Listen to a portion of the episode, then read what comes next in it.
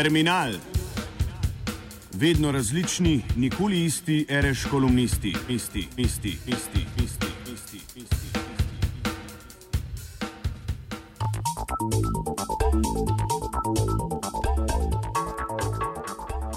Podatek, da v Sloveniji skoraj dve tretjine zaposlenih prejema plačo pod povprečjem, sproža veliko zgražanja nad razmerami in pozivov za spremembo takšnega stanja.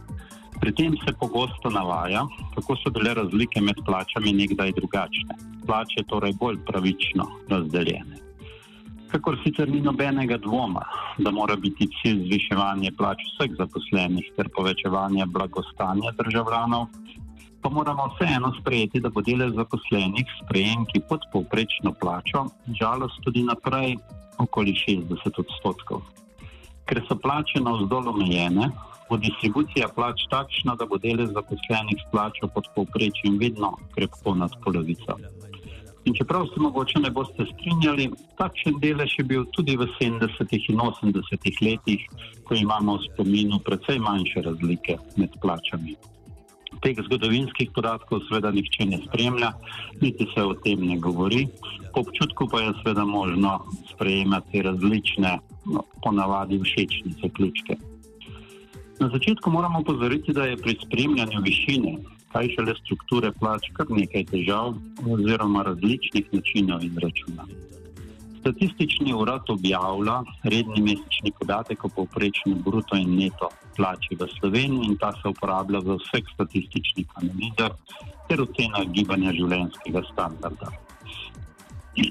Uporablja se naprimer tudi kot osnova za dvig pokojnin ali usklajevanje raznih drugih prejemkov.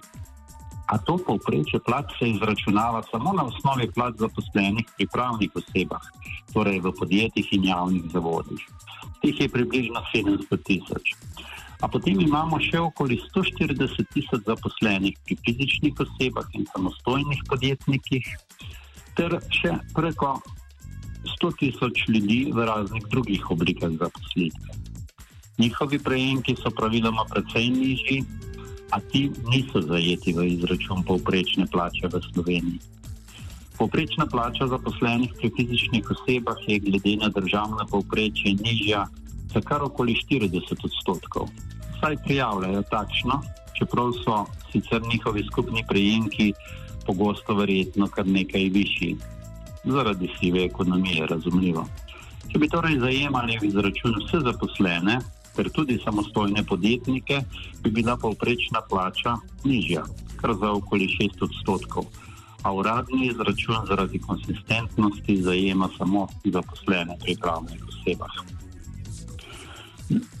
Ko pa statistika izračunava strukturo zaposlenih po višini plače, pa je osnova za objavo deleža zaposlenih s plačo pod povprečjem, pa ti podatki temeljijo na neki posebni raziskavi oziroma ločenem zbiranju podatkov. Zato raziskavo je značilno, da ne zajema prejemnikov plač pri pravnih osebah, manjka jih kar kakšna četrtina. Je pa zanimivo, da je v raziskavo pa vključenih še približno polovica vseh zaposlenih pri fizičnih osebah. Predposlav, Predpostavlja se sicer, da sodelujoči v raziskavi odražajo povprečje celotne populacije, a glede na podatke to ne drži v celoti. Sodelujoči v raziskavi za izračun strukture plač so imeli v letu 2016 naprimer povprečno neto mesečno plačo 1092 evrov, uradni podatek o povprečni plači za to leto pa znaša 1030 evrov.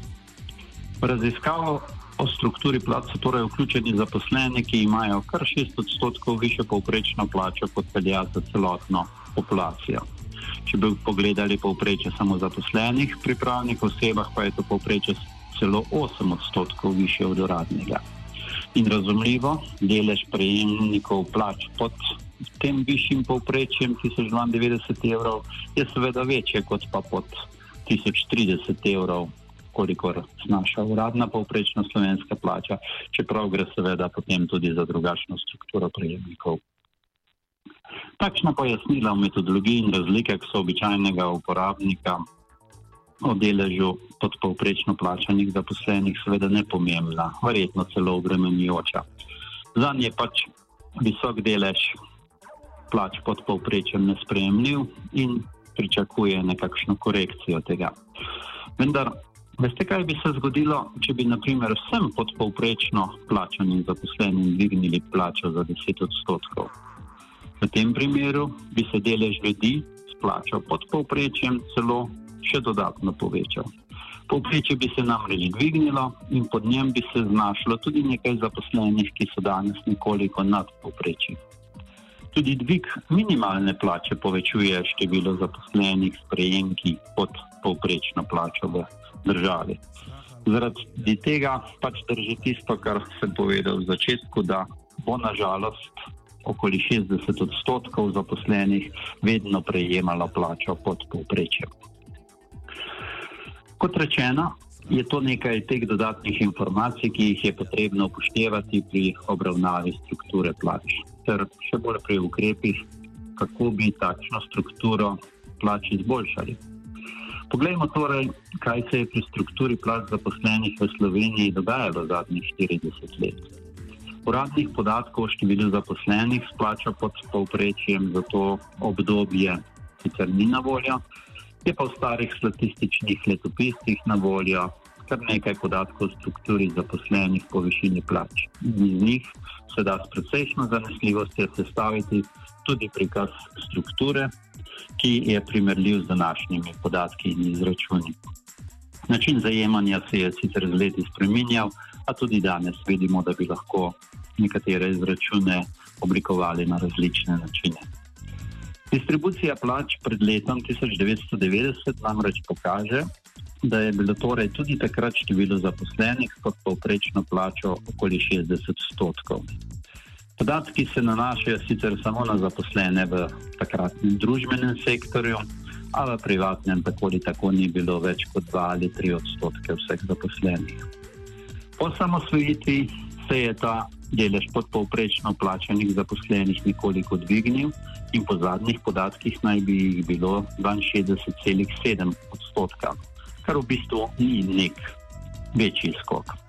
Je pa v tem podatku zajetih tudi nekaj zaposlenih pri fizičnih osebah, katere plače se sicer ne upoštevajo v izračunu povprečne uradne plače v Sloveniji, kot sem povedal na začetku.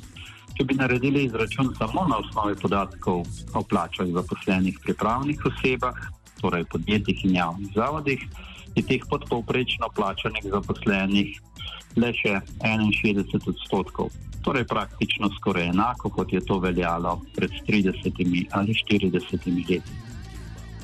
Če pa bi upoštevali vse zaposlene danes, pa je podpovprečno plačanih nekaj več, 63 odstotkov. Dejstvo je, da zaposleni pri fizičnih osebah prejemajo po uradnih podatkih bistveno nižje plače, kar 40 odstotkov nižje. In v tej skupini ljudi praktično skoraj vsi zaposleni prejemajo plače pod povprečjem. A najbrž se bomo strinjali, da te plače ne izkazuje celotnih izplačil ljudem, da torej zaposleni pri fizičnih osebah dobivajo večkrat kar pomemben del plače v kakšni drugi obliki. Sicer najbrž ne bi delali za toliko nižje poročilo. In zaradi tega je tudi upravičeno, da se jih ne upošteva pri izračunu uradne povprečne plače, v Sloveniji pa mogoče tudi števila ljudi pod povprečno plačo. Ker pa so delana upoštevanje v strukturi, pač znižujejo ta izračunani odstotek zaposlenih. Zaradi tega je mogoče bolj ustrezno, da izračun strukture plač delamo samo za zaposlene pri pravnih osebah in ta podatek znaša 61 odstotkov, kar je primerljivo z deleži izpred nekaj desetletij. Ugotavljamo torej na osnovi teh podatkov, da delež zaposlenih plača pod povprečjem ni bistveno drugačen, kot je bil nekdaj, in tudi v bodoče se bo gibal nekje okoli 60 odstotkov. Razen seveda, če ne bi naredili kakšnih drastičnih sprememb v smeri povečane neenakosti v Sloveniji. Pa vemo, da je danes med najnižjimi v svetu. Sveda pa je podatek o številu zaposlenih s plačo pod povprečjem samo en vidik. Če pogledamo celotno strukturo plač, pa vidimo, da je v zadnjih letih prišlo do največjih sprememb pri zaposlenih z nižjimi plačami, torej s plačami pod imamo 60 odstotkov povprečja. Letih je bilo najgraj samo okoli 7 odstotkov vseh zaposlenih, danes pa je njihov delež narasel na blizu 20 odstotkov. Nekoliko se je povečal tudi delež bolje plačanih, a ne veliko. Tako da izstopa predvsem zmanjšanje deleža mimo tako imenovanega srednjega razreda. Delež zaposlenih s plačo nekje med 60 in 130 odstotkov povprečne plače se je namreč z nekdanjih 75 odstotkov zaposlenih znižal na blizu 60 odstotkov. Predvsem na račun večjega deleža zaposlenih, ki prejemajo plačo pod 60 odstotkov povprečja. Kljub splošnemu prepričanju, da je delež bolje plačanih zaposlenih s plačo nad tudi nima 1,5 kratnika povprečne plače, se ta ni veliko povečal. So pa seveda danes tudi prejemniki, ki prejemajo nekajkratnik povprečne plače, kar nekdaj ni bilo, a njihovo število je relativno nizko gre le za nekaj tisoč ljudi. To so torej ključne spremembe v strukturi plač zadnjih 40 let, katere podatke boste težko kje zasledili. Ni se torej veliko spremenjal delež podpovprečno plačanih zaposlenih. Značilno pa je, da se je povečal delež najnižje plačanih.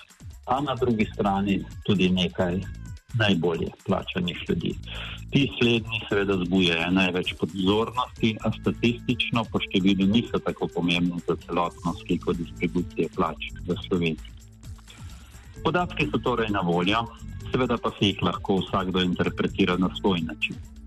Praviloma je to tako, kot posamezniku ustreza za podkrepitev svoje že naprej sprejete ocene. Opozoril bi predvsem na eno dejstvo. Danes se v Sloveniji pogosto izpostavlja zahteve po nujnosti davčne razbremenitve zgornjega sloja najbolje plačanih, torej najsposobnejših ljudi.